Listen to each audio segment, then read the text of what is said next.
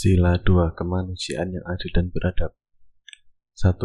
Mengakui dan memperlakukan manusia sesuai dengan harkat dan martabatnya sesuai makhluk Tuhan yang Maha Esa. 2. Mengakui persamaan derajat, persamaan hak dan kewajiban asasi setiap manusia tanpa membeda-bedakan suku, keturunan, agama, kepercayaan, jenis kelamin, kedudukan sosial, warna kulit, dan sebagainya. 3. Mengembangkan sikap saling mencintai sesama manusia 4. Mengembangkan sikap saling tenggang rasa dan tepa selera. 5.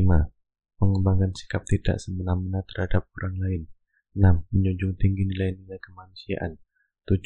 Gemar melakukan kegiatan kemanusiaan. 8. Berani membela kebenaran dan keadilan.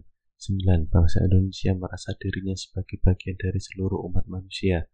10. Mengembangkan sikap hormat menghormati dan bekerja sama dengan bangsa lain.